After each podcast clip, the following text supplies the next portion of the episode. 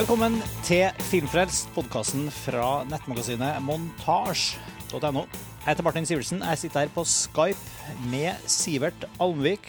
Hallo, Sivert. Hallo, hallo. Tor Joakim Haga. Hallo, ja. Sveinung Vårdangen. Hei. Og Lars Ole Kristiansen. Hei. Montasj er i hvert fall en stor gjeng fra Montasj. Skal ikke si at vi har samla alle, men vi Ulveflokken er eh, nesten samlet i dag, i hvert fall. Wolfpack. Og vi er samla for å hyle om eh, Vi må jo hyle litt når eh, Martin Scorsese lager film. Selveste Martin Scorsese. Og det, han har jo ikke lagd film siden sist gang han laga film. Nei? Har rett i det. Og da var det Hugo Cabret, som eh, en ganske annen sjanger, eh, annen målgruppe, ikke minst annen alderstid, må man nesten si, på målgruppa enn det vi ser på nå. Han er nå eh, Jeg skulle nesten si tilbake i liksom sitt, eh, sitt element, på en måte, med, med The Wolf of Wall Street. Det er jo en Rise and Fall-historie som ligner på en del av de han har fortalt tidligere. Altså, liksom, på papiret så er det jo ikke en ny, eh, spesielt original film, men likevel. Det Den begynner jo på en måte i, i liksom på høyden av jappetida på 80-tallet, men den beveger seg jo ganske fort over på 90-tallet. Så den er jo også vel så mye et 90-talls-epos. Ja. Den foregår jo egentlig litt sånn etter den største børstiden. Mm. Det er jo et sånn slags etterslep. Det er liksom på tampen av jappetida og før Ja. internett-æraen. Han som uh, det da handler om, uh, Jordan Belfort, han eh, kommer liksom inn i, dette, inn i denne bransjen rett før det børskrakket, eller hva det var, i 1987. Og så, og så vi liksom får se han komme inn i dette miljøet, og at det går ad undas. Og så eh, må han starte litt på nytt igjen, og så bygger han seg opp gradvis da, inn mot 90-tallet med dette den, denne gjengen med skrupuløse aksjemeglere som eh, eh, har et slags sånn Sodom og Gomorra-lignende miljø inne på kontorene.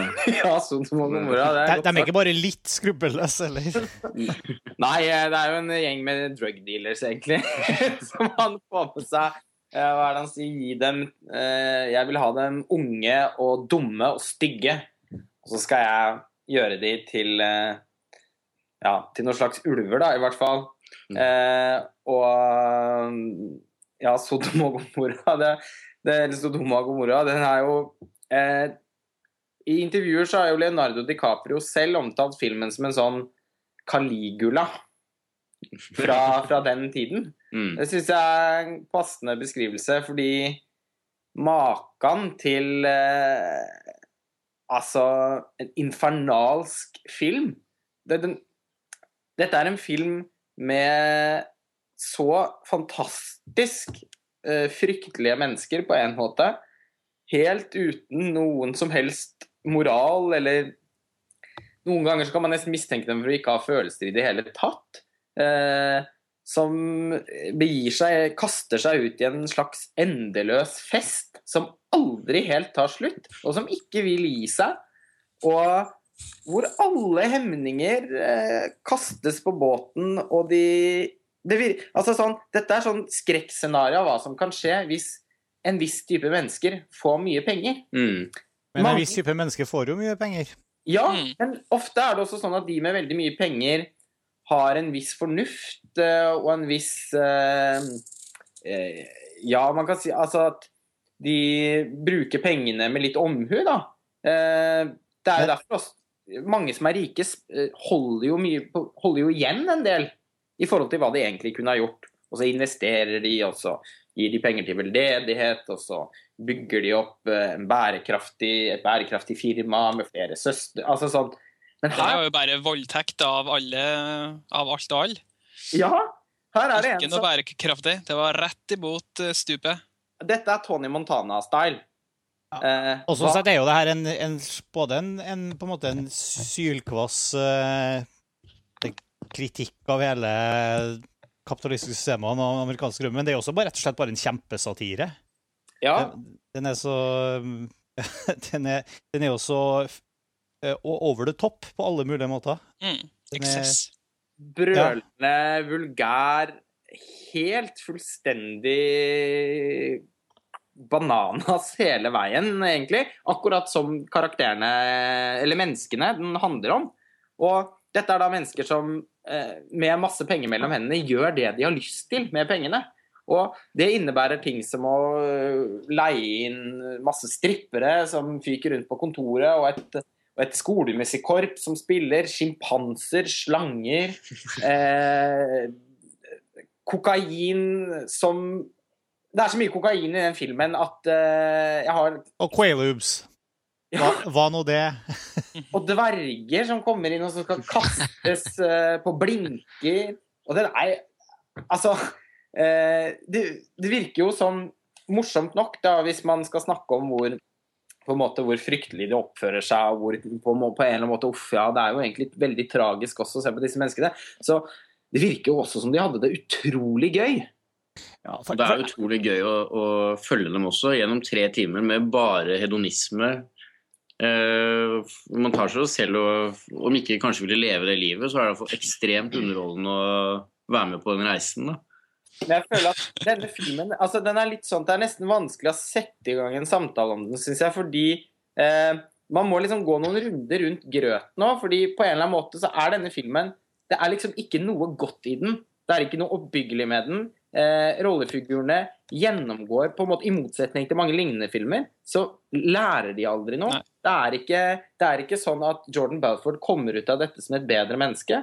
Han blir nesten stadig et verre og verre menneske gjennom hele filmen, og det er sjeldent å se.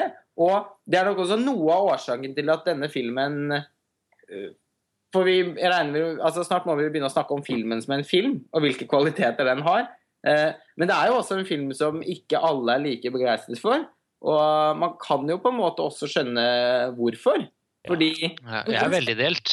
Ja, Jeg, to- ja, jeg, jeg tar ikke den kritikken at dette forherliger eh, Nei, det, Den det er ikke den kritikken jeg ville ta, men jeg, min, min sånn hovedinnvending er jo at jeg liksom Egentlig så er det her liksom en film Bortsett, fra det du sier, det er veldig godt poeng det du sier, Lars Ole, at det er et, han, han sitter ikke her som en gammel mann og har på en måte angrer sine synder, eller hva man skal si på slutten, men, men det er i utgangspunktet en film jeg føler jeg har sett mange ganger før, da.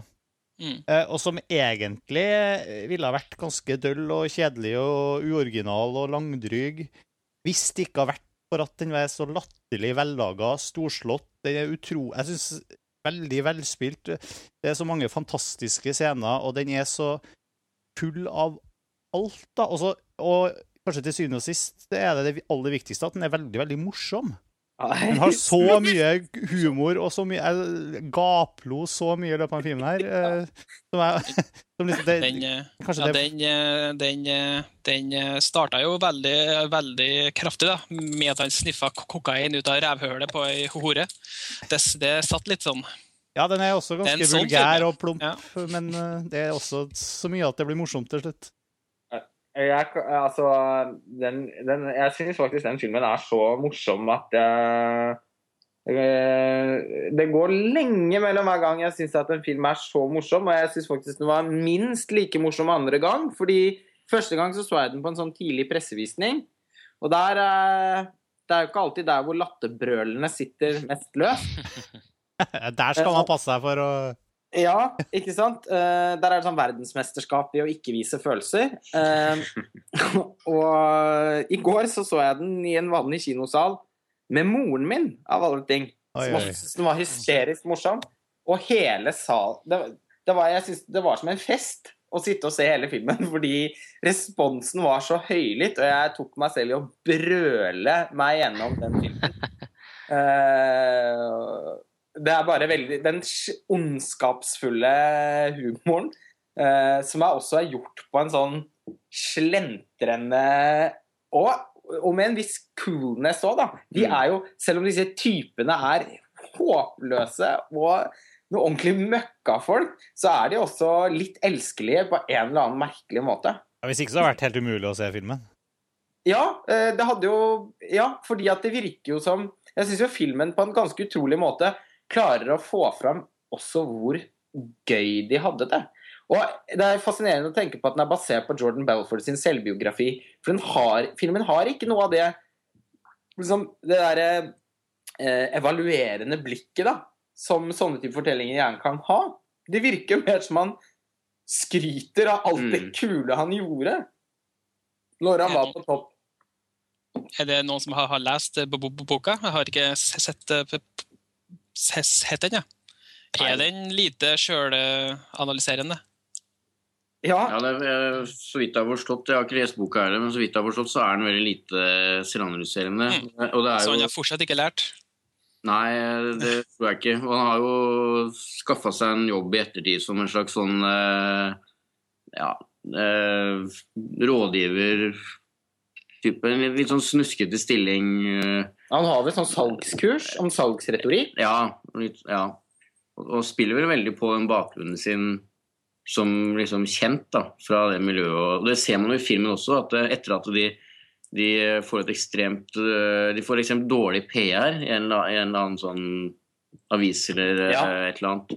Det er vel der de først, eller han først blir kalt for The Wolf of Wall Street. Så dukker det opp en haug med unge folk som har lyst på jobb hos han. da. Eh, men ja, jeg synes man ser jo helt fra starten av filmen, hvor han, hvor han driver og korrigerer historien selv. Og sier at nei, det var ikke, det var ikke sånn Billy hadde, det var sånn. Det var sånn som uh, Don Johnson hadde i Miami Vice, eller hva det Og liksom, og sier til kameraet det, det er ikke meg, det er den dvergen. Det er mye sånne meta, me- metatriks der. ja. Så, men liksom, han, det er tydelig at liksom han, øh, han er stolt av liksom den fortida. Og det er, liksom. ja, det jeg har skjønt òg, er vel at han har vært litt delaktig i produksjonen av filmen og har vært, er veldig begeistra for resultatet òg. Ja. Og det er en sånn slags skjebnens ironi eh, på en eller annen måte, fordi eh, Ja, hvis det var sånn, så skjønner jeg jo at han er det. Og hvis han fortsatt syns det er noe å stå for, så eh, så kunne det vel ikke blitt fremstilt på en kulere måte heller. Men det gjør jo filmen litt vidunderlig problematisk òg, syns jeg. At Mm. den i motsetning til veldig mange Det er nettopp der, det som gjør at jeg ikke helt syns at den blir så velkjent. For sånn Rise and Fall-historier, det har man jo hatt gjennom, altså gjennom all fiksjon. Mm. Gjennom hele både filmhistorien og litteraturhistorien. Så det er jo på en måte nesten Det blir jo nesten som en sjanger. Men eh, den, den, liksom, den totale ansvarsfraskrivelsen, eh, det opplever jeg faktisk også som noe skikkelig friskt ved den filmen her, og som kom veldig brått på meg. Jeg jeg ble helt sjokkert av den filmen, det må jeg bare si.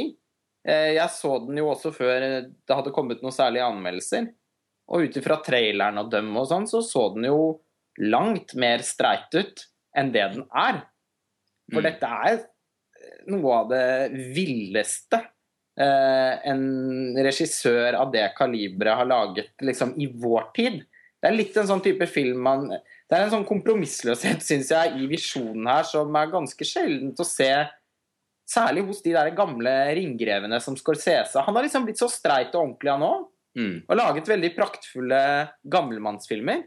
Som eh, altså både Shutter Island og Hugo og sånn eh, eh, er veldig sånne eh, filmer som oser av en sånn slags En autoritet eh, som, som er veldig sånn for, altså, det, er, det er noe forsonende ved de. Nå, Martin Scorsese har brukt veldig mye av 2000-tallet på å liksom eh, gripe etter de filmhistoriske røttene som har inspirert han. Eh, snarere enn å dyrke de tingene som har gjort at han også har blitt filmhistorisk. Mm. Og så kommer denne filmen helt ut av det blå, egentlig. Og den er laget av en 71 år gammel mann, og jeg kan ikke forstå nesten at det er mulig å lage en film med det. Den får jo Spring Breakers til å ligne en barnebursdag, liksom. Ja, Arthur skulle nevne det, for det var også en sånn ting jeg så Det her er jo, her er jo Spring Breakers, på en måte. Bare Ja, det, Ja, det, det er jo ganske mange likhetstrekk, egentlig. Høy, høyeste erigerte potens. Ja. Jo, men det, jeg syns det er mye tematisk fellestrekk òg, på en måte. Ja. Eh, Ja, det, jeg tenker at det, det kanskje er den mest underholdende filmen jeg har sett siden Spring Breakers. Og det er jo på en måte litt faretruende med tanke på hva slags filmer de to er. At jeg sitter igjen med den følelsen. Men det er liksom noe med, med å ja, lage noe så underholdende som samtidig er så eh, ja, Hvis man skal bruke ordet sat satirisk, da, så, som er såpass skarpt, og som det er noen som har vært så trygge på seg selv og sin kunstneriske visjon at de kan liksom lage en sånn type film. og slippe unna med det og eh, gjøre at man, man sitter igjen med en magefølelse som tross alt ikke er så vond, da, selv om, selv om man selvfølgelig sitter igjen med det også. Eh, og jeg synes I The Wolf of Wall Street-tilfellet så handler det veldig mye om eh, ja, humoren, og også at eh, det er klart Leonardo DiCaprio ser jo veldig flott ut, og sånn, men den gjengen hans er jo en gjeng med duster. De er liksom helt sånne ordinære typer som Og, og knapt nok det, da. Eh, så man liksom får Man blir litt glad i dem, da, selv om de er noen eh, hensynsløse jævler og Det er noe med Sina og Jonah Hill i den pikéskjorta, eh, med de altså hvit, kritthvite plastikktenna og de hornbrillene, som er så vidunderlig dust at uh, jeg ler bare av å tenke på det. Uh, den, og han, han derre lille med den tupeen de, Det er litt av en gjeng som er liksom så er det sånn at alle vil liksom Alle i hele kontoret, alle de 500 ansatte, eller hvor mange Alle vil liksom bare ha en del av kaka. De vil bare smake litt på livet. De vil ha sin del av penge... De vil leve, leve ut drømmen, eller hva det er for noe. Altså, det er et eller annet sympatisk med det òg, liksom. Som gjør at, man, at man klarer å ja, som, som, som, gjør at det er noe mer enn bare den herre lange helvetesfesten. Mm. Jeg, jeg, jeg, ser ikke helt den koblinga mot Spring Breakers, for jeg har tenkt med en gang på Pain and Gain. Ja, det... det er litt den samme plumpe og ekle. Og det, ja, men der er det jo mye lik... Vi har jo allerede etablert at det er mange likestrekk med ja, mellom Spring Breakers og Pain and Gain. Og, ja, men Pain and Gain er vel litt mer Og sånn. Bling har vi vel nevnt i samme åndedrag òg før. Ja, men de mangler den humoren, som er bare forferdelig liksom plump og, og litt sånn promp og fis-humor. I, I Spring Breakers? Ja, jeg syns ikke det var så mye av det der, altså. Nei, det vil jeg jo ikke si at det er. Men nei, uh, men, uh, nei altså den Jeg, jeg syns jo ikke Spring Breakers nesten er spesielt morsom. Den syns jeg er veldig vakker. Og trist. Og trist. og ja, den er, den er, Sånn sett så er den ganske annerledes uh, for meg. Og jeg kan være enig i at som, som, som, vesen så har den nok mer til felles med Pain and Gain, uh, selv om det er en veldig annerledes uh, filmfortelling. Fordi Scorsese sin stil er ganske annerledes enn Michael, Michael ja, ja, ja. Men, men jeg, jeg, skjønner, ja, jeg er jo helt enig i det. Men Tor Joakim, nå må du komme på banen her med Jeg bare sitter og drikker øl og hører på dere. Det er fantastisk. um, Nei, altså jeg, jeg, sa innledningsvis at jeg er litt delt, da. Det er vel ikke noen bombe hvis du kjenner til liksom litt min smak. Jeg er jo ikke noen sånn kjempestor Scorsese-fan. Eh, nei, altså jeg, har, jeg, jeg, delt. Det er liksom to ting som jeg syns er knallbra, eh, og så er det to ting som, jeg, som irriterer meg litt.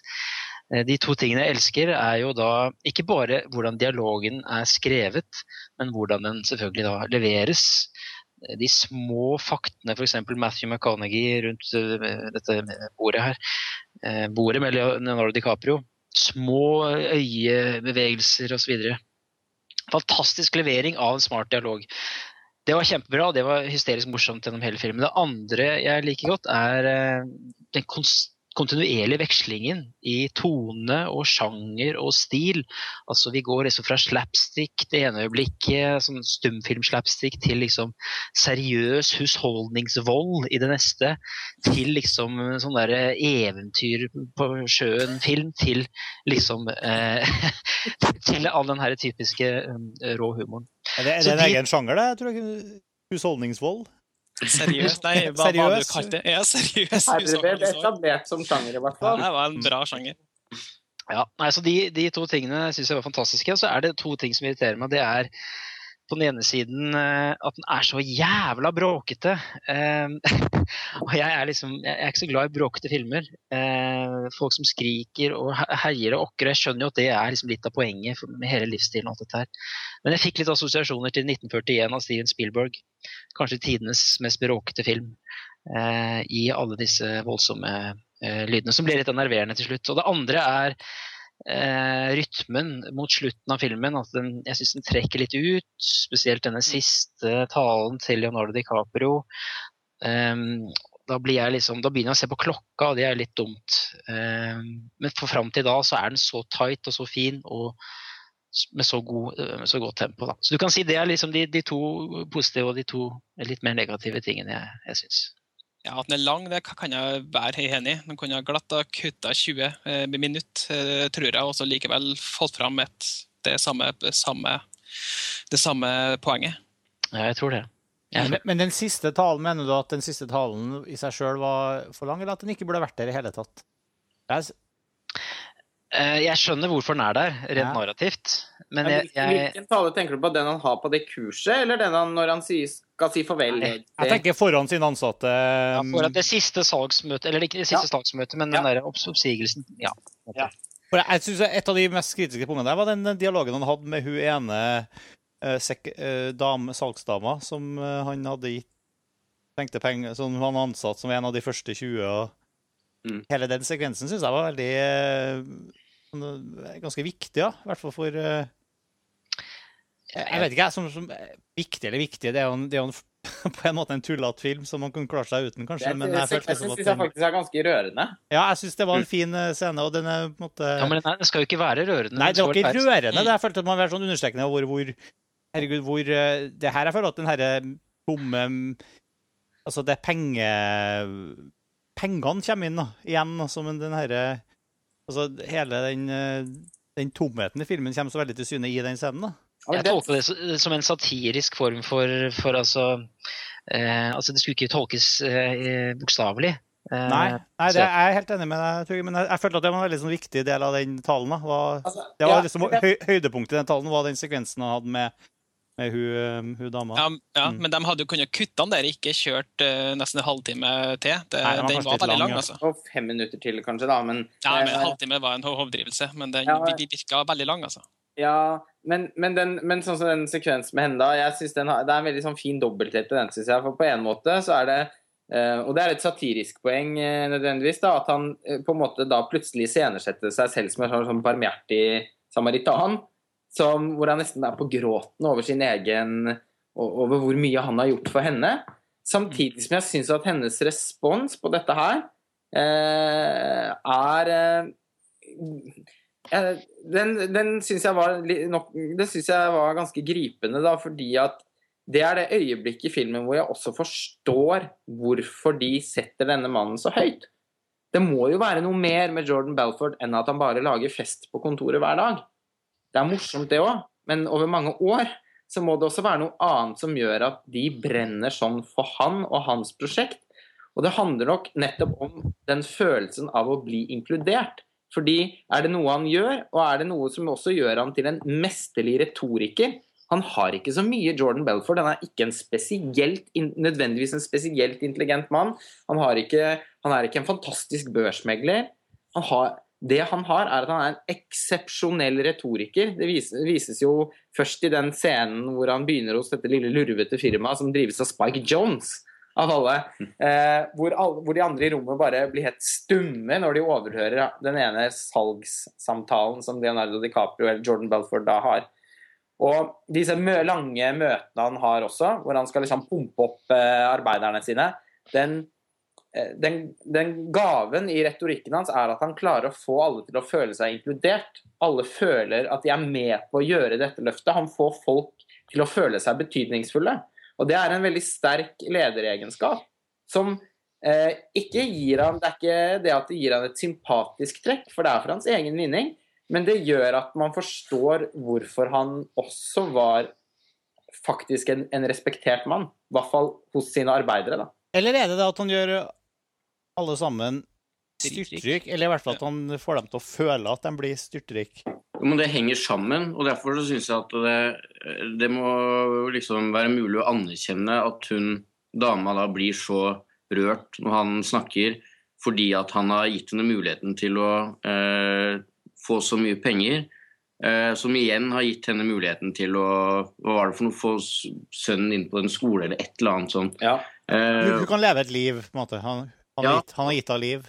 Ja, da tenker jeg man kan liksom si at uh, også overfladisk og banalt, det handla jo bare om de pengene. Men sånn er det. Man, de lever i et Amerika som, hvor det handler om å, uh, det å kunne skaffe seg et godt liv handler om å ha penger.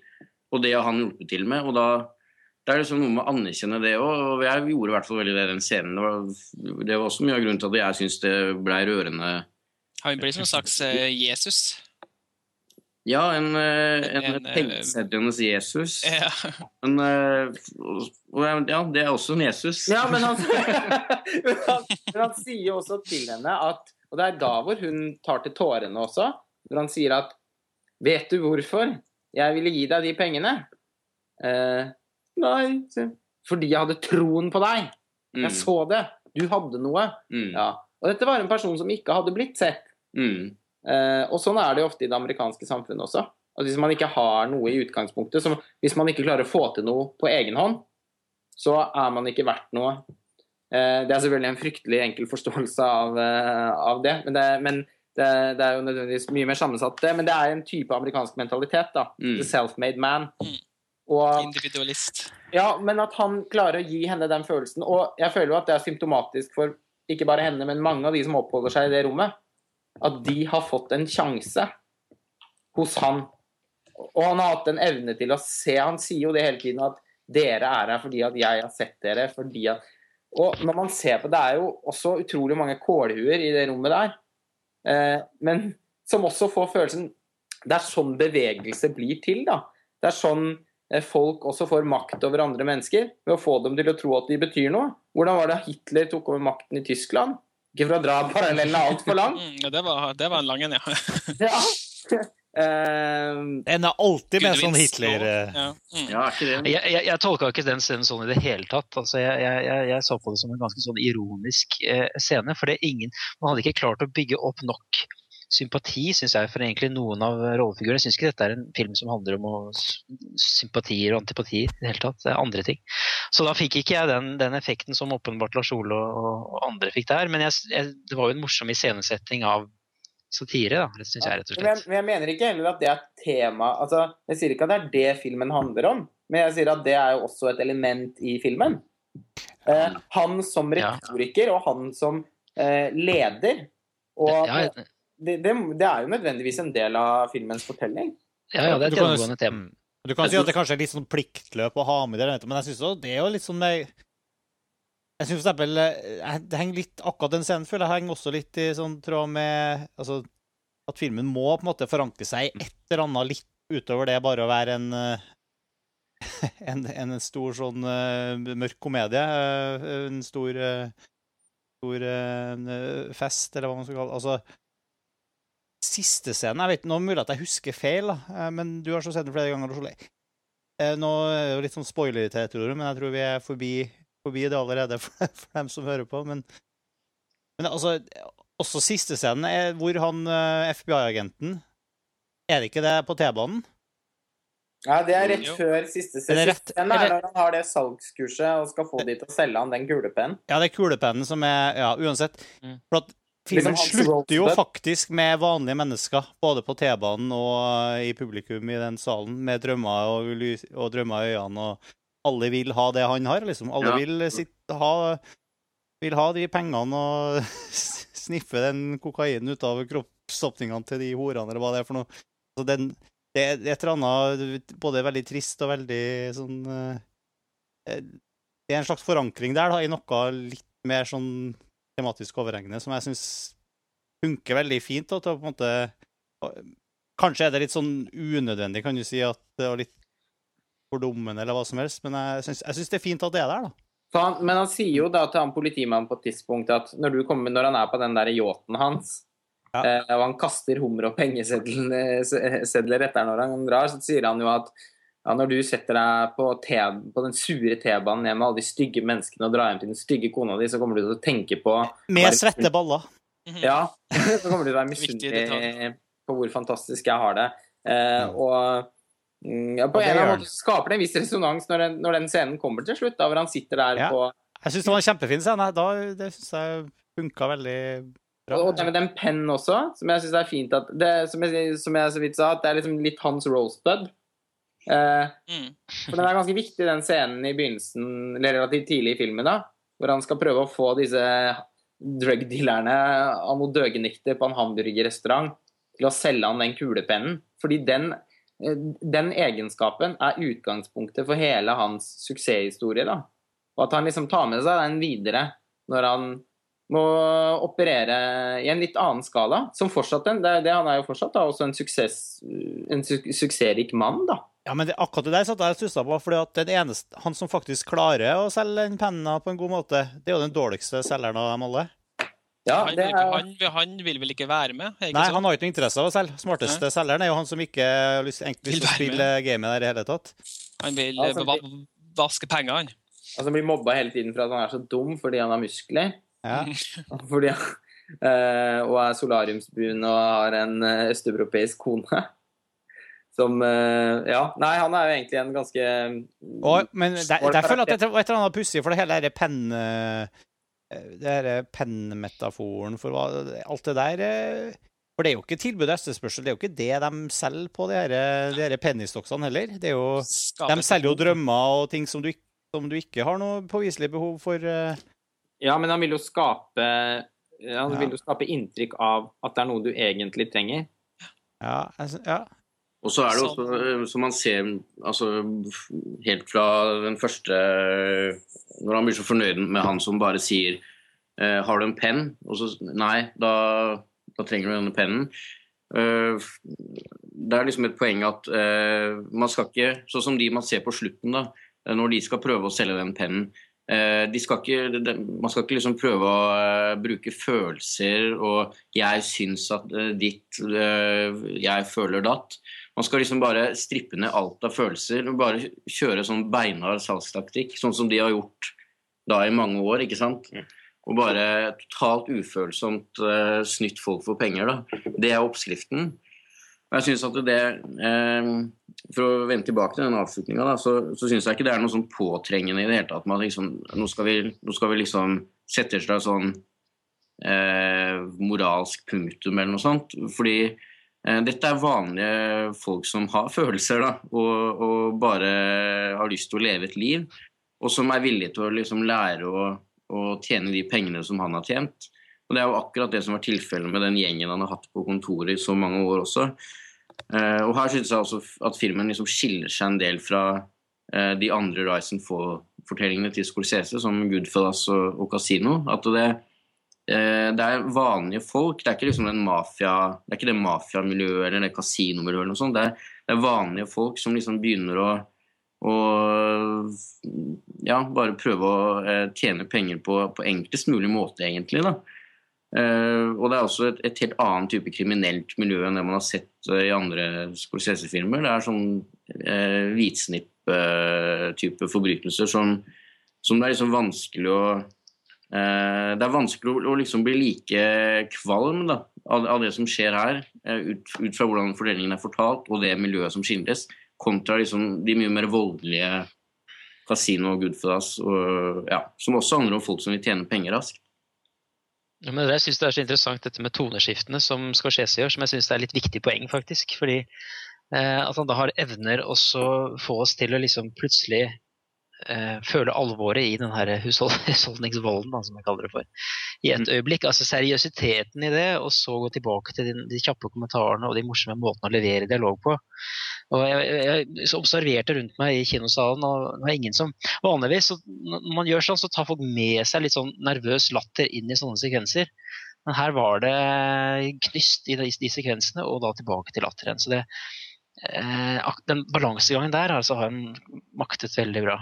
Mm. er et helt fantastisk manus eh, eh, av han Terence Winter, som eh, Altså, det er jo enormt mye dialog i den filmen. Eh, og på samme måte som i både Goodfellas og Casino, disse to Pileggi, Nicolas Pileggi-filmene, eh, så har Scorsese Hvis du skal begynne å komme inn på det, da, så er det jo Scorsese som er tilbake i et modus som han ikke har vært på lenge. Eh, han prøvde Altså, han var jo litt til dels det med The Departed, men i økende grad så føler jeg jo mer at den er nesten et litt sånn halvhjertet forsøk på å gjenskape noe sånn gammel magi, fordi den er veldig fanget av noen sånn noen ganske sånn konvensjonelle, litt sånn fikse rammer i den fortellingen, som gjør at den blir litt sånn altså brautende og poserende på en måte som ikke helt fascinerer meg. da. Jeg syns den er en, en veldig velsmurt uh, og underholdende film, men til syvende og sist også litt uh, sjeleløs. Uh, og den, føltes nesten som en sånn Etter at Scorsese hadde begynt å lage disse to historiske dramaene, of New York' og så 'The Aviator', og før det 'Kundun', og hadde liksom begynt å gå på en linje som gjorde at han begynte å få veldig mye oppmerksomhet fra Oscar-akademiet. Med 12 og 13 nominasjoner omtrent for hver film. Men kanskje mistet litt grepet om fansen sin. Og jeg følte nesten at The Parted kunne virke som en litt sånn derre Ja, her har dere. Eh, som en sånn gavepakke, da. Men som ikke helt føltes som noe han brente for å fortelle. The Wolf of Wall Street syns jeg på en helt, helt annen måte er Scorsese tilbake i det moduset som han var i, både Goodfellas og Casino, hvor han forteller disse eh, virke, sånn, eh, for, Disse rise and fall-fortellingene om med en sinnssyk glød og en fortellerglede og en energi og en råskap som puster en opp i ansiktet på en måte som er ytterst sjeldent å se. Det er som Martin Scorsese er 71 år gammel nå, og jeg, hadde, jeg må si det. Og jeg har vært veldig begeistret for både Shutter Island og Hugo. Når jeg sa, disse litt sånn nydelige gammelmannsfilmene. Eh, jeg hadde aldri trodd faktisk at han kom til å lage noe sånt igjen. Og jeg er fortsatt helt stum over hva denne filmen er, fordi i min bok eh, Det må jeg bare si, så er dette Jeg syns faktisk dette er noe av det beste han har lagd noen gang. Eh, jeg jeg syns det er et ordentlig mesterverk, og jeg tror, tror denne filmen kan stå seg som en av de store amerikanske filmene fra det siste, fra 2000-tallet i det hele tatt. Fordi den har eh, den, den, fanger en Den fanger på en måte to tidsånder. Den er både liksom et portrett av en tid og en viss type mentalitet, men den er også veldig samtidig. Eh, den, eh, snakk om alle disse filmene vi har eh, allerede påpekt at den ligner litt på, som, nettopp, som ble laget i fjor. Og den den har Jeg syns den bare liksom kommer inn på banen og posisjonerer seg med en helt vanvittig autoritet og med en aggresjon, og samtidig med en sånn ellevill eh, filmglede som jeg syns det er helt rørende å se at en, at en filmskaper av Martin Scorsese sitt eh, kaliber, eh, som egentlig kan gjøre hva han vil, og som egentlig kan ta det litt med ro Det er ingen som ingen trenger liksom, Man trenger nesten ikke å forvente noe av han lenger engang, fordi han har gjort så mye, og han og han har selv sagt at han har ikke mange filmer igjen. Han erkjenner at han begynner å bli gammel. Han vil ikke kastes over hva som helst lenger. Nå er det ikke så viktig bare å lage film, han vil lage filmer som betyr noe for han. Og så kommer han og leverer dette her. Tre timer. Eh, jeg vet ikke jeg, jeg, ja. Nå har jeg i hvert fall sagt hvor begeistra jeg er for denne filmen. Da. Jeg synes faktisk den var enda enn hvor mye jeg elsket den første gang, så syns jeg utrolig nok at den var enda bedre ved andre gjennomsyn. Og jeg kan ikke vente med å kaste meg inn i kinosalen igjen. Uh. jeg er veldig enig i veldig mye du sier. Jeg, det er også veldig, jeg synes Tor Økeberg, du har også et veldig godt poeng i at det er, det er liksom ikke bare et overflødighetshorn og et, uh, en Pandoras eske, men den, den, gjør så mange ting samtidig. da. Så mange sjangre, og liksom det, er, det er så mye mer enn bare en Rise and Fall og en mørk komedie og en satire. og den bland... Det kunne ha vært helt katastrofekjipt, mm. men det er så godt gjort at det henger sammen likevel. da. Um, og til tross for at den er liksom så, nesten så schizofren at den egentlig burde ha gått opp i liminga, men den, den ja, gjør det liksom ikke. da. Ja. Nei, jeg tror også min, av min favorittscene ja, Nå er jeg en veldig enkel person. Eh, så jeg, jeg tror eh, altså, En av mine favorittscener var jo rett og slett den, den slapstick-sekvensen hvor han skal kravle til, til Ja, kjempeartig. Eh, som plutselig kommer ut av det blå ikke sant, i, i dette her. og Jeg så rundt meg på kompisene mine, og de var hva i all verden er dette her for noe? Eh, det synes jeg var helt, ikke skal si. ja, det var litt forfremdende på en sånn kul og fin uh, måte. Eh, så jeg, jeg liksom synes det, sånne, det syns jeg var mer morsomt, den vekslingen der, enn liksom det som dere har snakket, dere har snakket om mye i dag, om liksom den, den tematiske understrømningene i, i filmen. Men det var jo den eh, også den i går, Jeg var sånn i går, jeg òg, som vakte mest latter. Altså, da lå folk i kinosetene, liksom. Og, Ja, det var jo kjempeartig. Ja, den er jo helt fantastisk morsom. Som en og, og som du sier, Tor Råken, dette innslaget med nesten en sånn ren slapstick-sekvens. Det nesten kunne vært en stumfilmsekvens. Ja. Og også Leonardo DiCaprio han må vi også komme inn på på et tidspunkt, vise noen egenskaper som komiker som er helt fantastiske. Altså, Eh. den, den scenen så går nå litt tilbake til Gilbert Grape, ikke sant? I, i, i, i sin kropp, kroppskontroll. Ja, men, men, men liksom, det, det er slapstick, men, men det er også Det er liksom, det er det, og så er det på en måte musical òg. Du har sånne scener her hvor de liksom Det er nesten Bollywood, eller hva man skal kalle det, og musical. Det, du har, du har de scener, en, en av de kontorfestscenene hvor det liksom Mhm. Ja, han holder en tale, og så begynner de å heie, og så kommer det hornmusikk og et uh, helt korps passerer, liksom marsjerende inn, og så kommer det 50 eh, strippere, og jeg vet og det, det er bare det. Eller de står på den yacht-scene hvor de bare står og danser, og du tror de bryter ut i, rett før de bryter ut i allsang, på en måte. Den har noen Jeg syns den, den har mange sånne synes jeg virkelig helt fantastiske enkeltscener. Eh, Den første, syns jeg, som er sånn eh, ganske åpenbart, det er den scenen med Matty McConaughey. Hvor han sitter og mm, mm, mm. Alle som har sett den filmen, kommer til å dra den på byen i en eller annen setting. Eh, hvor man liksom får følelsen av at det er en sånn selvmytologisering. Ikke bare mellom eh, karakterene, men også av filmen selv. da. Mm. Men jeg føler at den, den, den, rydder litt vei. Her er jeg, og jeg, komme, jeg kommer til å komme med noen greier. Og jeg syns den andre scenen som virkelig også satt helt støkk i meg, det er faktisk den første festsekvensen der. Fordi den begynner jo med at eh, de skal barbere hodet på en kvinnelig ansatt som får 10 000 dollar for å gjøre det. Og først er det den derre villskapen i ha-ha-ha. Eh, at det skal være noe sånn morsomt å se på i seg selv. At hun selvfølgelig syns det er fælt å miste det flotte håret sitt. Men på et eller annet tidspunkt da, etter at disse, eh, dette korpset med halvnakne folk kommer inn, og så stripperne kommer inn, og hvor det begynner å regne glitter og ting fra taket og sånn, så er det en eller annen sekvens hvor kameraet liksom akkurat sånn skrur og blir nesten sånn distortet av henne, av hun som blir barbert hodet på, som sitter der med tårer i øya og bare angrer. Mm. Og ingen bryr seg om henne lenger. Nå er, Ingen. nå er det noe nytt som skjer. Men Og da- og, så, og den- og så blir det litt sånn helvetesstemning, for det blir litt sånn slåssing og litt sånn aggressivitet og litt sånn eh, det, blir, det blir litt sånn mareritt.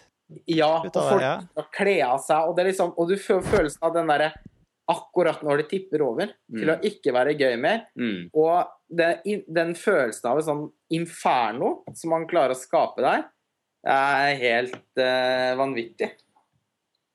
Og det er jo litt sånn, ikke for å bli altfor sånn der autørfokusert, som vi ofte kan bli på montasje, kanskje, Ja. men jeg syns at det er en, en evne Scorsese har da, til å plutselig eh, liksom det, Man kan være i en situasjon hvor det er veldig intimt og, og egentlig veldig sånn koselig og hyggelig stemning og sånn.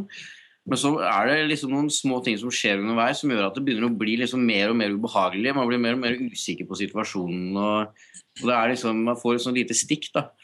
Eh, og Selv om det kanskje ikke er like mye av det i den filmen her som i eh, ja, animatorfilmen hans, f.eks., så, så er det liksom tilløp til det noen ganger. På en annen måte Ja. men, men eh, det, han har den der eh, evnen. Her, her synes jeg, ja, jeg er helt enig, og jeg syns her at han også klarer å bruke den evnen til på en nesten enda mer overgripende måte. I Goodfellas eksempel, så er det jo til stor del Joe Pesci som står for en del av de øyeblikkene. Mm. Som, som snur helt opp ned på en situasjon. Eh, men her har han ikke noe Joe Pesci. Jonah Hill kunne ha vært den karakteren, men er jo også bare en, en ganske søt tufs på en eller annen måte. Mm. Men Eh. her så blir det jo situasjonen i seg sjøl som blir en Joe Pesci. Det at det bare, bare starter å ta av helt, og så bare åh, Ja, Mm. og det er så. Og det er så mange av de scenene hvor det bare Hvor det er akkurat som eh, Det blir Dette blir en veldig obskur eh, referanse. Eh, men for de som har sett parfymen til Tom Tykvir Mm. eh, Og dette er vel så mye den scenen i boka, men når han Grenouille eh, På slutten av i den fortellingen så klarer han å få et helt torg av folk til å bare kle av seg og gå over i noen sånn hemningsløse orgier av ren maktesløshet overfor situasjonen, og som de ikke, ingen av de aner hva, nesten hva det handler om engang. Og jeg syns han klarer å få, få følelsen av det mange ganger i løpet av filmen. Og jeg føler den derre isnende følelsen hver gang, hvor Mm. liksom klærne bare rives av. En del av disse flysekvensene og sånne, som både er hysterisk morsomme, og også så vulgære at det nesten blir vakkert. Mm. Altså, det er en fantastisk kommentar hvor han sier at flyet var som et svevende apotek. For det er så sinnssykt mye dop der. Men hvor disse horene driver og knuller rundt på alle disse ansatte som Det er en for, total forvirring der. Og i et fly oppe i lufta Ja. Der, eh, det står en, eh, der blir det litt springbreakers for meg. Med den, en hore som står eh, med en stiletthæl på hver side av flysetet. Og liksom det trekker seg selv opp og ned i sakte film. Det er jo det er kunst, det. Ja, det er det. Er det, det, er det. det er sånn man får lyst til etter å bare Det er første klasse. Det er, det er kunst, rett og slett. Han, og, han drar, og det er også fant, eh, fantastisk å se hvordan filmen hele tiden drar det langt. Altså, han, det er ofte med filmer at det, liksom, ja, det var, er et par scener som liksom, «Åh, da tar det helt av. Husker du den scenen? Men Mm. her er det som en eneste lang sekvens. For han gir seg aldri. Filmen er så blodtørstig, Mm. akkurat som han Jordan Belford sjøl, at den får ikke nok. Og det er også noe av grunnen til at jeg syns at den kler den lengden den har. Jeg kan, være, jeg kan gå med på at jeg syns nok 20 minutter inni der, hvor, hvor de drar til Sveits, eh, og han oppsøker hun tanta til kona si i London og sånn, der er det 20 minutter som akkurat ikke har helt den samme finessen som resten av filmen, syns jeg. Mm. Men helhetlig sett så gjør det veldig lite for min Det syns jeg er helt greit. Jeg syns, jeg, det syns også Jeg synes det er noen kostelige ting i de scenene der òg. Men det er liksom det eneste punktet i filmen hvor jeg føler at den kanskje daler litt, men så syns jeg jo til gjengjeld at den tar seg veldig opp igjen rett etterpå, da. Det er også veldig mange sterke kvinneroller. Ja. Den er jo veldig gammeldags sånn sett. Den har jo ganske, ganske Jeg vet ikke om det er, Nå har jeg ikke fulgt så veldig mye med på medieoppslagene rundt her, men der, Nei, jeg, har- jeg har faktisk tenkt på med For en har stort sett fått veldig gode kritikker. Og jeg har faktisk leita litt etter noen kvinnelige kritikere for å bare se. Fordi det er jo en For veldig Alle damene er jo rene objekter i alle Nesten alle mulige settinger. Det er veldig sånn gam, gammeldags eh, nesten på den måten. Men det hadde jo vært rart at de skulle ha hatt noen sterke kvinner òg, for det er jo det kvinnesynet de som jobber der, har. Ja, jeg ser jo det, men eh, likevel. Det, det føles veldig den er, den er veldig ensidig der, og det er liksom Det er nesten ikke noe Det eneste sterke dama, det var når hun drev og sa, sa, sa at hun ikke hadde på seg, ikke hadde på seg truse. Da liksom skulle hun være sterk ved å, ved å nekte den sex. Ganske sånn Jo, klassisk. men igjen, da. Alle damene er, Mm. er, er Men så ble hun da for, fornedra. De er sex, sexleverandører eller uh, i nød, i Ja. penge, pengesug eller uh, hva som helst. Bortsett fra den opprinnelige kona hans, da, som han jo Gikk fra. på dør fordi uh, han Nei, det var vel hun som uh, kasta han på dør. Var det ikke så? Ja, hun er vel det nærmeste man finner et, en, et normalt Et ordentlig menneske. et, et, Ja, men ja, det stemmer det, som- Mm. som går fra han. Men, eh, men ja, men, men hun Det er er han som legger opp til situasjonen, Ja, ja, det er det jo. Det, og han sier ikke nei. For han syns hun andre er penere. Eh, Men han sier det jo ut at han er ganske litt lei av ha- eh, Det sier, jo til faren, nei, det sier han til faren sin. Det er, men er, filmen har et vanvittig primitivt kvinnesyn. Men, eh, men eh, i, som du sa da, Martin, at jeg føler at den, den reflekterer jo karakterene sin Altså deres kvinnesyn speiles jo inn i filmen. Og jeg føler i det hele tatt at den filmen på en ganske tydelig måte tar opp i seg de verdiene som eh, Jordan Belford og co. har. Filmen er jo laget med deres stemme, på en måte. Jeg syns det ville vært kunstig og rart hvis den eh, gjorde noe annet der. Eh, jeg sier ikke at det ikke er en ting man bør problematisere, eh, for det er det. Men da kan man også snakke om mange Scorsese-filmer. Men, men, men det er jo som Svein var inne på her også, det er jo hans, det er jo hans historie det her. Han, det er jo han som forteller oss det her. Han, Ja. han snakker jo til kamera, til og med. Og han, Ja, jeg syns det, synes det ville blitt veldig merkelig hvis den eh, Eller det ville overraska meg positivt hvis han eh, skulle på et eller annet tidspunkt eh, skulle ha et annet syn på kvinner, da, som også da ble tatt opp i filmen. Eh, den eh, Jeg syns på en måte det er, det er nødt til å være sånn. Så kan man heller diskutere det. Og, og, og som sagt, eh, Scorsese er ikke noen stor kvinneskildrer generelt, syns jeg. Eh, bortsett fra 'Alice Doesn't Live Anymore' og noen unntak, selvfølgelig. Men han er også, det har han faktisk blitt konfrontert med med denne filmen. Skal du snart lage en film med en kvinnelig hovedkarakter eh, igjen? Det begynner å bli lenge siden. Det nærmeste man kommer, er vel Catherine Hepburn-karakteren i The Aviator. Mm. Som jo er et grepart kvinnfolk, da. Eh, spil, forrykende spilt av Kate Blanchett. Mm. Men, ja, men jeg må også si jeg syns jo også hun som spiller kona til Jordan Belford, som jo er en helt ny, eller relativt ny skuespiller, ukjent skuespiller, da, i hvert fall. Eh, jeg syns faktisk hennes karakter er eh, overraskende fin. Mm. Og jeg syns hun spiller den veldig bra. Og jeg syns at eh, Jeg synes ikke hun Hun gir ikke så etter, da, for hans integritet som en del av de andre mannlige rollefigurene i filmen gjør. Mm. Strengt tatt. Um, Nei, og hvis man, hvis man altså, Jeg syns det blir litt tåpelig å bli veldig opptatt av karakterutvikling og sånn i en sånn film som det her, men hun har jo faktisk en viss karakterutvikling. Jeg Ja, syns at hun faktisk får mer og mer integritet utover i filmen, og liksom eh, Hun opparbeider seg en viss respekt hos tilskueren også, fra å liksom bare være den der, det trofeet i starten, da. mm. Mm. Ja. Ja, hun er en av de man virkelig heier på, syns jeg. Mm. Eh, og ja, det er, det er nei, er grenser for hva vi kan spoile, egentlig. Men det er, det er ganske spesiell, den siste scenen de har sammen. Eh, Mm. Og den er noe eh, Ubehagelig. teoretikerne kan, eh, kan kastes over i flere år framover, tenker jeg. Mm. For det er Men, men jeg syns ikke Jeg syns også det Jeg syns ikke filmen omgår å være problematisk. Eh, da hadde den også vært eh, Da hadde den mistet den eh, Den litt sånn helvetesfølelsen som den må ha. Mm. Det blir litt på samme måte som med Scarface, som jeg syns denne filmen også har veldig mange likhetstrekk med. da.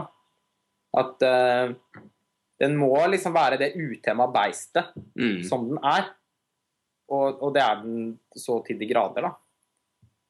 Ja, for jeg synes at eh, I og med at den blir fortalt fra deres eh, ståsted, så blir det ikke så veldig der at Å, se, se så utrolig vanvittig alt sammen var. og liksom, den, den skal ikke liksom vise all den luksusen og all den overdådigheten og alle de sprø tingene. Den bare liksom er midt oppi det. Og det gjør at det, man sitter ikke igjen med en følelse av at filmen vil liksom eh, vil på død og liv underholde deg med alle disse tingene. Den bare det er liksom hele filmen. Det er den fortellinga, og det er dem, og det er eh, hele den galskapen i seg selv. hvor jeg, jeg syns det er imponerende i seg selv å liksom klare å, å lage en tre timers film hvor man bare kaster innpå det ene Først kommer sjimpansen, så kommer dvergene, så, kommer eh, den båten som du snakker om, Tro Hakim, som holder på å synke. Og så er det liksom interessen opprettholdes. da. Og det er liksom bare fordi man, man blir liksom sugd inn i det og bare er midt oppi den verdenen hele tida. Det er ikke noe som skal liksom vises fram på den måten. Så, Du kan jo si at Problemet da er jo at det ikke kommer så mye sånn i form av en audiovisuell konsistens, da. Eh, sånn stilmessig sett så er, det jo, er den jo all over the place, men det er vel kanskje meningen også. Ja, Jeg eller jeg, jeg tenker vel også at den har eh, Jeg syns den har en veldig gjennomført stil, men en veldig stygg stil. Eh, han Det som også er noe av eh, besnærende med filmen, er hvordan han klarer å fange en slutten av 80-tallet, tidlig 90-tallsfølelsen. Liksom både i tonen og i filmens estetikk. Den litt sånn eh, Litt sånn halg, Litt sånn halvgrå, men samtidig softfokuserte Sånn nesten dårlig TV-estetikken. Som Er det, er, det er det ditt inntrykk av 80- og 90-tallet? Ja. Det er sånn Det, det, det er litt sånn jeg og du, tror jeg, vi trodde at eh, på 50-tallet så bodde, levde de var verdens artigste, ikke sant? Det er litt det samme som eh, Lars Ole tenker sånn. om Ja, eh, jeg opplevde 80-tallet. 90-tallet ganske i hvert fall. Eh, jo, men, det, men det er også et veldig forvirra tiår, da. Det er jo mange som kaller 90-tallet for et brunt tiår. Fordi det er så stilforvirra. Og det syns jeg er i filmen. Og disse partysekvensene og sånn òg, de er veldig stygge Mm. på en eller annen måte. Det er en sånn smakløs En smakløshet som eh, som, som er konsistent, syns jeg. Da. Og det gjelder også i disse som du sier, Joakim, hvor han går inn i sånn ulike modus. Sånn så er det scener hvor de er i Italia og sånn, hvor de åpenbart må bruke noen sånn falske bakgrunner. Det ser jo helt forferdelig ut, eh, men også litt fantastisk. Eh, den scenen med den båten, som er som en sånn jumbo-utgave av Cape Fair. Mm. Eh, som The Perfect Storm? Mm. Ja. Uh, ja da, det trenger ikke å være noe autørmessig.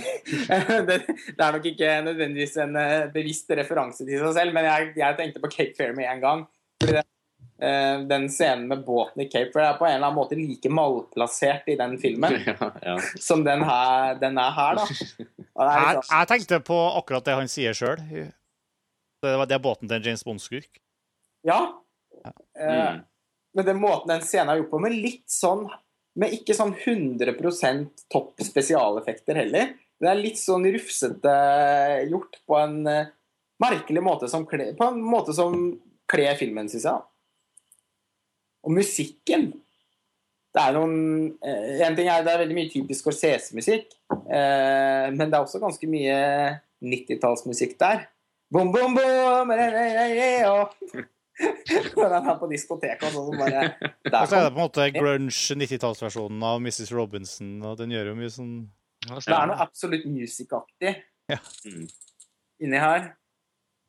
Uh, ja, nei. Ja, ja. Men eh, vi må egentlig kanskje snakke litt mer om Leonardo DiCaprio. Jeg, synes jo han, eh, jeg har alltid syntes at han har vært en utrolig bra skuespiller, men han har det litt sånn gutteaktige har gjort at jeg liksom ikke helt har klart å, å liksom elske han i mange roller. Men her så passer det så utrolig bra, syns jeg. Og han, han Hva ser du på han som en mann, Sveinung? Jeg, ser, jeg vet ikke om jeg ser på han som en mann. Jeg vet ikke om jeg aldri kommer til å Nei. klare å gjøre det. Men uh, Han er mer en drittunge, mer Ja. drittunge enn noen gang, egentlig. Ja. Men i veldig riktig det passer veldig bra i denne filmen. Og han, han bare Han gjør så mye i den filmen. Han gjør så mye forskjellig. Og jeg, jeg syns han imponerer mer her enn noensinne, egentlig. Jeg helt eh, Jeg har alltid tenkt Jeg er også veldig begeistra for Leonardo DiCaprio generelt. Jeg har egentlig alltid vært det. Eh, Men eh, min favorittprestasjon av han fra tidligere av har vært 'Catch Me If You Can'. For der syns jeg han er sånn helt fantastisk casta. Der er han jo litt sånn samme typen. Mm. En fyr som lever av lure, kommer seg opp ved å lure folk. Og som ved sitt sånn slesk Han har et sleskt oppsyn. Det her gutteaktige, uferdige oppsynet. Eh, som også har en sånn Det er noe sultent ved han, da. Som eh, jeg syns eh, Spielberg fikk fram på en fantastisk bra måte i 'Catch Me If You Can'. Ikke minst hvor han også må spille eh, den rollefiguren i veldig mange aldre.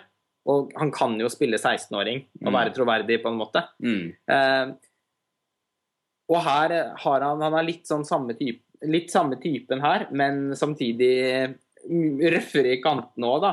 Og det mm, Det liksom Det spekteret han viser i den filmen her, som som både som den sleske sjarmøren og den vanvittige retorikeren, eh, og som rent Ja, som ren bajas komiker, liksom. I noe, det er en helt vanvittig sammensatt im og imponerende og sånn virke, så, Og fantastisk underholdende rolleprestasjon.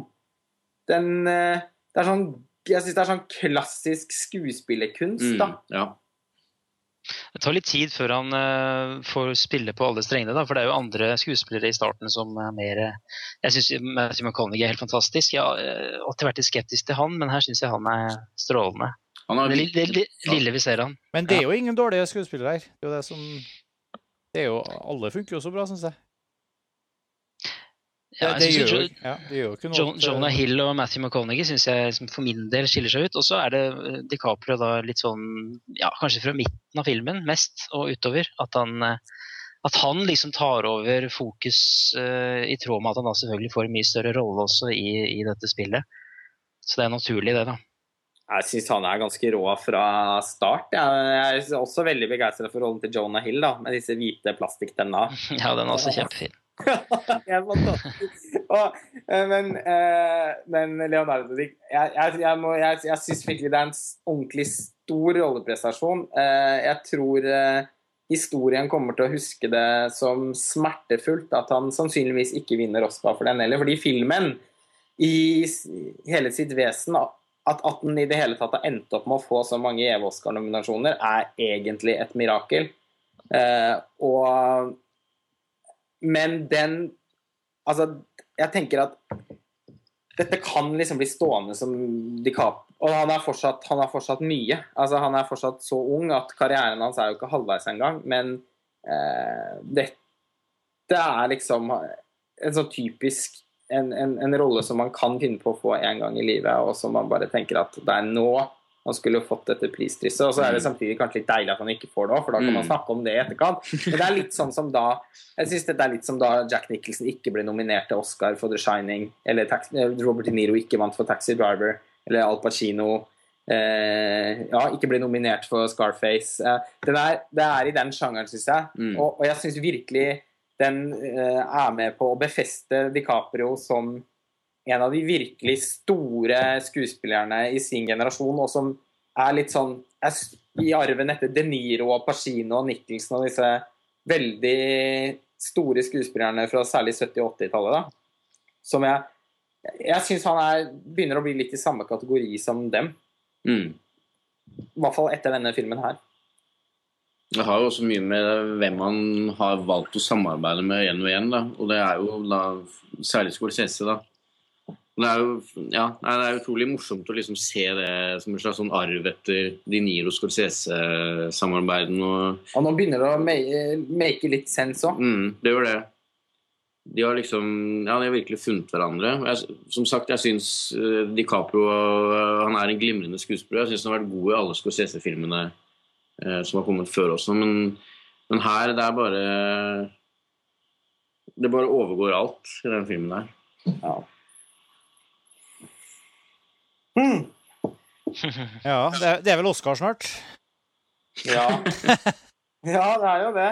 Og slag, det store slaget står vi mellom Gravity og 12 Years a Slave. Og sånn som det ser ut nå, så er det jo Gravity som er storfavoritt. Og det er litt deilig å tenke på at det i hvert fall er en Det er i hvert fall også en skikkelig film. Så, uh, så jeg vil være helt komfortabel med det. Men, uh, hadde det vært i min verden, så hadde Wolf of Wall Street uh, vunnet for nesten alt. Og det mener jeg. Det er eh, bare klippingen til Thelma Skonmaker. Man skal ikke unn... Selv om hun eh, Altså, selv om man har hatt 1000 samtaler om hvor fantastisk hun er, og hun har vel vunnet tre Oscar og eh, i det hele tatt, men Og nå er hun ikke nominert engang for Wolf of Wall Street. Det er jo helt Mm. hårreisende. Ja. Men hva er det for denne gamle bestemoren som sitter ved siden av ja, som bestefar Scorsese inne på klipperommet og setter sammen dette her med den rytmen Mm. og den fingerspissfølelsen Nei, det er jo bare helt Det er film Det er magisk. Typisk gammelmannsfilm. ja, det er er pussig, altså. Det Ja. Nei. Um, er ganske, vi er vel ganske ehm, Jeg vil ikke Ja. Opp, så du skal Utsnakka. oppsummere det, så er vi ganske utsnakka, men vi har også ehm, jeg får, Det er i hvert fall ikke noe hat for filmen, kan vi bekrefte. La fast her i kveld. Nei, det ville vært rart hvis Det ville noen var rart. eh, ja. Det er godt. Um, skal vi gi oss der, kanskje? La folk få Vi hadde jo en veldig lang episode sist gang, så vi kan holde oss til en sånn ja. litt vanlig lengde i dag. en litt edruelig lengde på denne episoden. Nå Ja, jeg føler at vi har fått sagt nok. Nå må bare folk komme seg og se filmen. Og se den igjen, igjen og igjen. Ja. For dette her eh, har det er, man, det er alltid Jeg er jo alltid så glad i å foregripe begivenheter, så jeg skal unngå det ved å si at jeg tror nok i hvert fall den har et visst klassikerpotensial. Du har ikke bare, det er ikke bare tiårets beste film, det er tiåret, nei, årets beste film, det er tiårets beste film eh, nei, nei, altså, i januar 2014.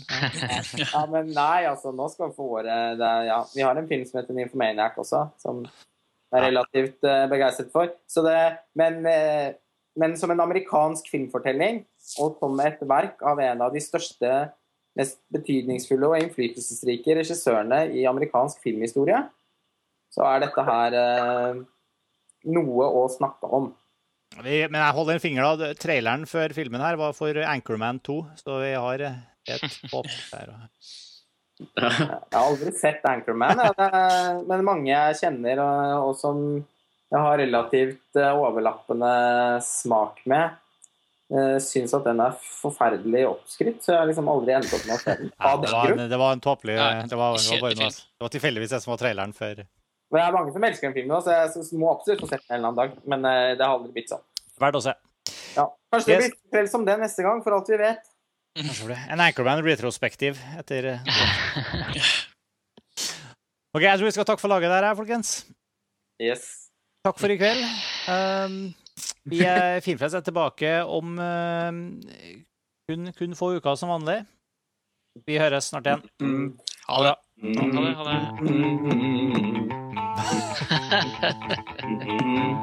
Mm.